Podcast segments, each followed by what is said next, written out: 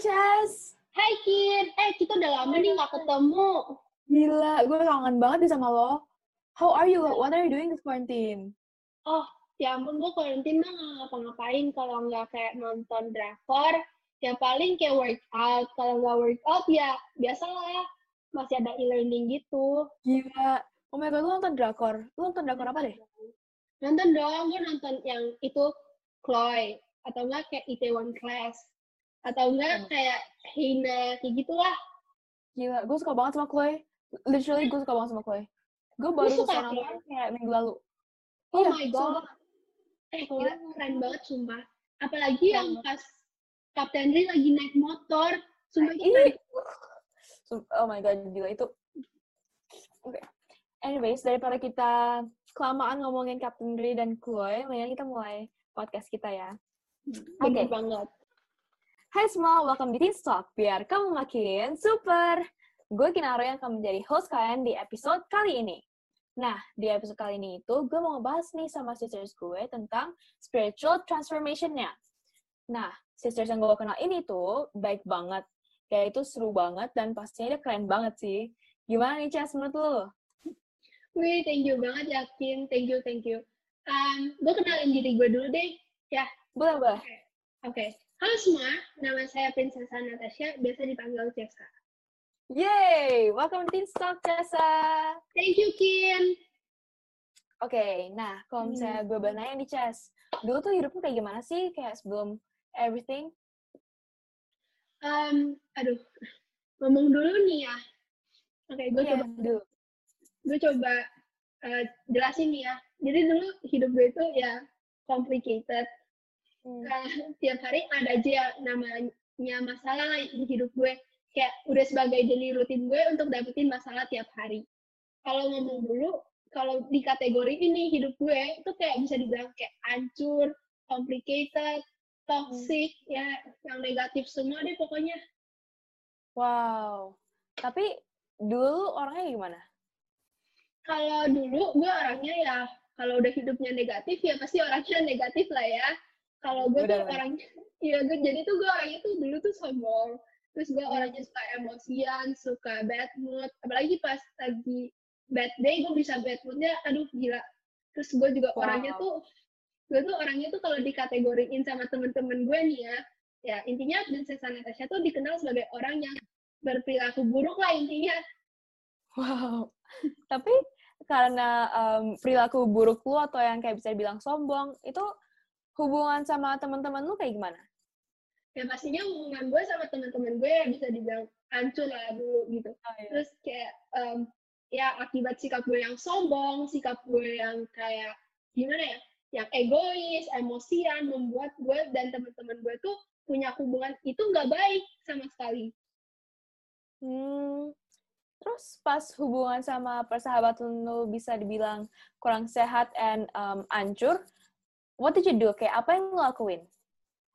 jujur gue nggak ngapa-ngapain sih Eh, ya gue paling kayak merasa ya intinya gue cari temen yang baru tapi kadang gue juga pengen nyelesain gitu biar ya nggak musuhan lah atau enggak ya paling ngelakuin pelampiasan lainnya Emang pelampiasan kayak gimana tuh? Hah? Pelampiasan kayak gimana? Hmm. harus banget nih gue kasih tahu pelampiasannya Harus dong. Ya ampun soalnya yang tahu tuh cuman kayak temen-temen deket gue loh kayak ya orang-orang di sekitar gue lah pokoknya Ih, nggak apa-apa dong. Special nih di Teen Stock. ya udahlah ya demi di teen stock ini gue kasih tahu nih Yeay! Oke, bentar. Gue coba untuk ngungkapin ya, soalnya gue malu gitu. Oke, Oke. em, jadi tuh pelampiasannya tuh ya pacaran sih, Kin. Pacaran? Wow. Tapi selain menjadi pelampiasan, ada nggak alasan kayak lu pacaran? Ya kayak basically itu emang pelampiasan sih, karena kayak di pacaran ini tuh ya si mantan gue ya, pacar alias mantan gue ini tuh ya dia tuh selalu care sama gue, dia selalu menghibur gue ketika gue lagi down gitu. Terus dia juga orangnya tuh uh, care banget, yang membuat gue tuh ngerasa kayak eh dia tuh peduli sama gue dan gue ngerasain kasih sayang yang full dari dia gitu. Wow. Itu dulu. Tapi Tapi itu dulu ya, dulu. oke oke. Tapi emang sebelum eh, lu pacaran nih kayak Hmm. dari orang tua lu atau teman-teman lu, lu nggak ngerasain kayak kasih sayang gitu ya? Em, Oke, kalau dari keluarga, em, ya keluarga gue tuh bisa dibilang kayak berantakan ya. Em, Hmm. gue tuh em, bekerja itu gak, gak di rumah gitu loh, maksudnya kayak jauh dari rumah. Terus bokap gue tuh juga sibuk bekerja dan ya dia jarang lah pulang ke rumah gitu loh. Jadinya Hmm. kayak hubungan gue sama bokap gue tuh bisa dibilang kayak nggak dekat. Secara tidak langsung ya gue kurang yang namanya figur seorang ayah. Nah Hmm. terus kayak hmm, kalau sama nyokap, nyokap juga kayak bekerjanya tuh sibuk banget. Nah, gue juga orangnya kan sekolah, sekolah kayak les, habis les, ya tugas, everyday repeat gitu loh ya. Jadinya tuh, gue sama nyokap gue tuh paling bisa ketemu itu pas weekend.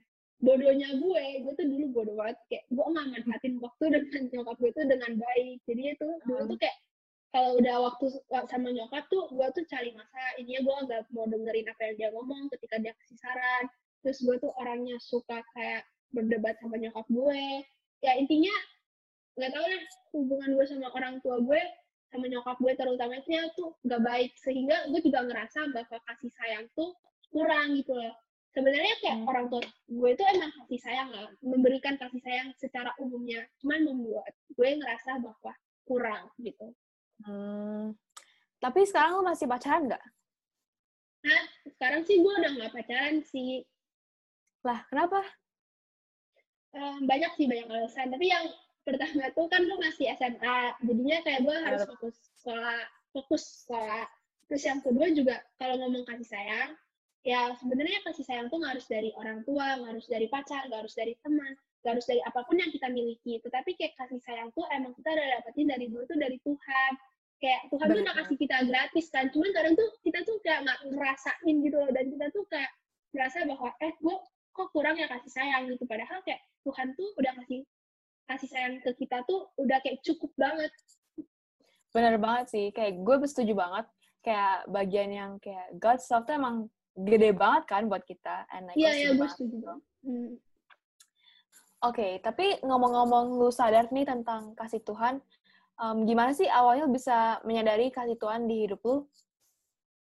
Hmm, panjang sih kalau tentang kasih Tuhan di hidup gue it's a long story tapi ya udah gue coba ringkasin ya intinya tuh ada satu hari tuh gue ngerasa down banget sehingga kayak gue nggak tahu gue harus cari gue harus ngapain ya udah intinya gue cari hiburan ya udah gue nonton lah satu video gitu loh dia lagi ceritain tentang diri dia lagi depresi dan gue ngerasa bahwa ih kok relate banget sama gue gitu loh terus gue ngerasa bahwa Eh, sama sorry banget nih, Cas.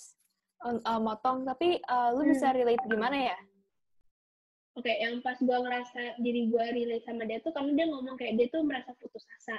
Terus setiap hari tuh ngerasa sedih dan ada rasa pengen bunuh diri. Nah, yang bunuh diri tuh gue langsung kayak, ih kok sama sih sama diri gue. Gue tuh ngerasa bahwa, ya gue sekolah tuh nggak pintar. Maksudnya ya nilai gue pas-pasan ya. Terus kayak Hmm. hubungan gue sama keluarga juga ya berantakan. Hubungan gue sama temen yang gak deket.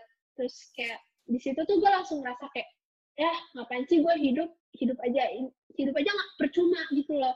Hidup ini ya biasa aja nggak ada nothing special gitu buat gue secara pribadi ya. Nah makanya di situ gue ngerasa bahwa ya udahlah mending gue bunuh diri aja biar ya udah selesai hidup ini kan. Gue nggak usah banyak pikiran kayak gitu. Wah, oke. Lanjut cerita lu. Oke, jadi tuh kayak di situ tuh gue beras- bener-bener ngerasa diri gue tuh depresi dan gue tuh ngerasa bahwa aduh gimana nih gue udah depresi kayak gini? Dan di video tuh ngejelasin bahwa kalau lu udah ngerasa depresi mending lu cerita sama orang lain gitu.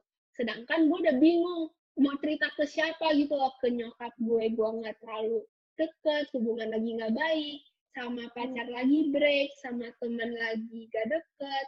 Gue nggak tahu bener-bener gue nggak tahu mau cerita ke siapa kan. Nah intinya tuh gue tiba-tiba kepikiran satu nama ya udah dah intinya gue kayak ya orang bisa dipercaya ya udah intinya gue telepon aja gue cerita. Halo gue gue bilang kan halo gue tuh ngerasa depresi gue pengen bunuh diri gue ngomong kayak gitu kan. Terus gue bilang kayak gue banyak banget masalah di hidup gue terus dia bilang kayak ya udahlah lu jalanin aja selesai masa lalu, masa lalu jangan langsung kayak bunuh diri aja gitu loh. Terus gue langsung kayak eh bener juga sih apa yang dia bilang gitu. Dia juga bantuin gue nyelesain masalah terus kayak minggu depannya dia bilang eh kita ketemuan yo gitu kan. Intinya di situ gue ketemuan sama dia di situ dia ngajarin gue tentang firman Tuhan. Nah setelah gue belajar firman Tuhan gue menggali lebih dalam lagi tentang kasihnya Tuhan ke gue.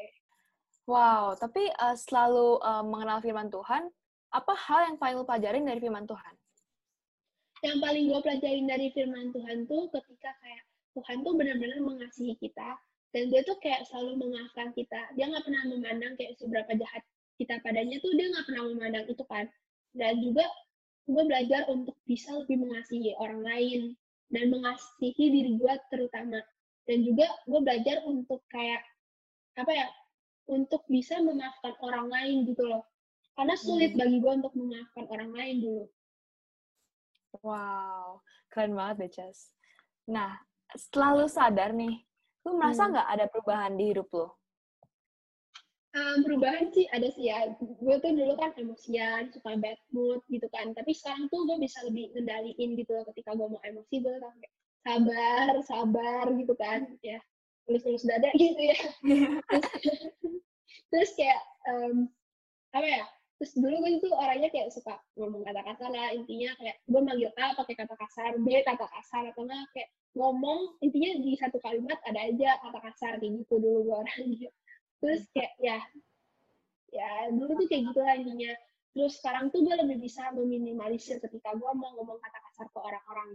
Dan juga ya gue merasa bahwa di sini tuh gue belajar untuk bisa peduli akan perasaan orang lain bukan apa yang gue mau nggak egois kayak gitu loh. Karena juga gue kan dulu ngiranya kayak ngomong kata kasar tuh kayak keren gitu ya ya udah dewasa nih gue udah bisa ngomong kata kasar. Cuman kan kenyataannya nggak kayak gitu. Hmm. nah kan tuh nggak ada yang keren tuh nyakitin hati orang lain kan. Nah di situ tuh gue bener-bener ngerasa kayak ya gue harus mulai stop untuk ngomong kata kasar gitu. Wow awesome banget sih. Gila keren banget deh. Nah setelah lu berubah nih dan kayak memilih untuk fokus and memprioritaskan Tuhan apa yang lu rasain uh, jujur gue tuh ngerasain kayak gue tuh senang banget gue bisa gue gue bisa kenal Tuhan ikutin jalannya Tuhan gitu ya.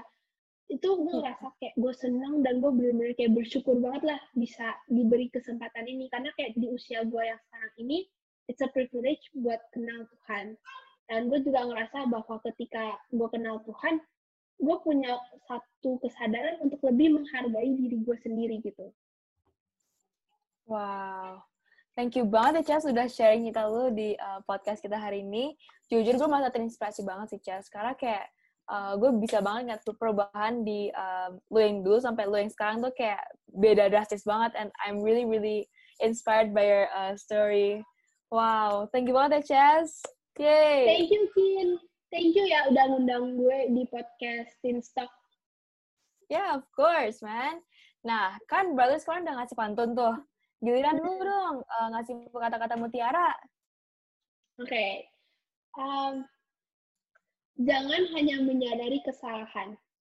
Karena menyadari kesalahan itu gampang. Tetapi yang paling penting adalah actionnya. Thank you banget ya, sudah, udah ada di uh, podcast kita hari ini. Um, thank you juga untuk semua yang udah nonton our podcast today and um, stay tuned for our next episode. Bye!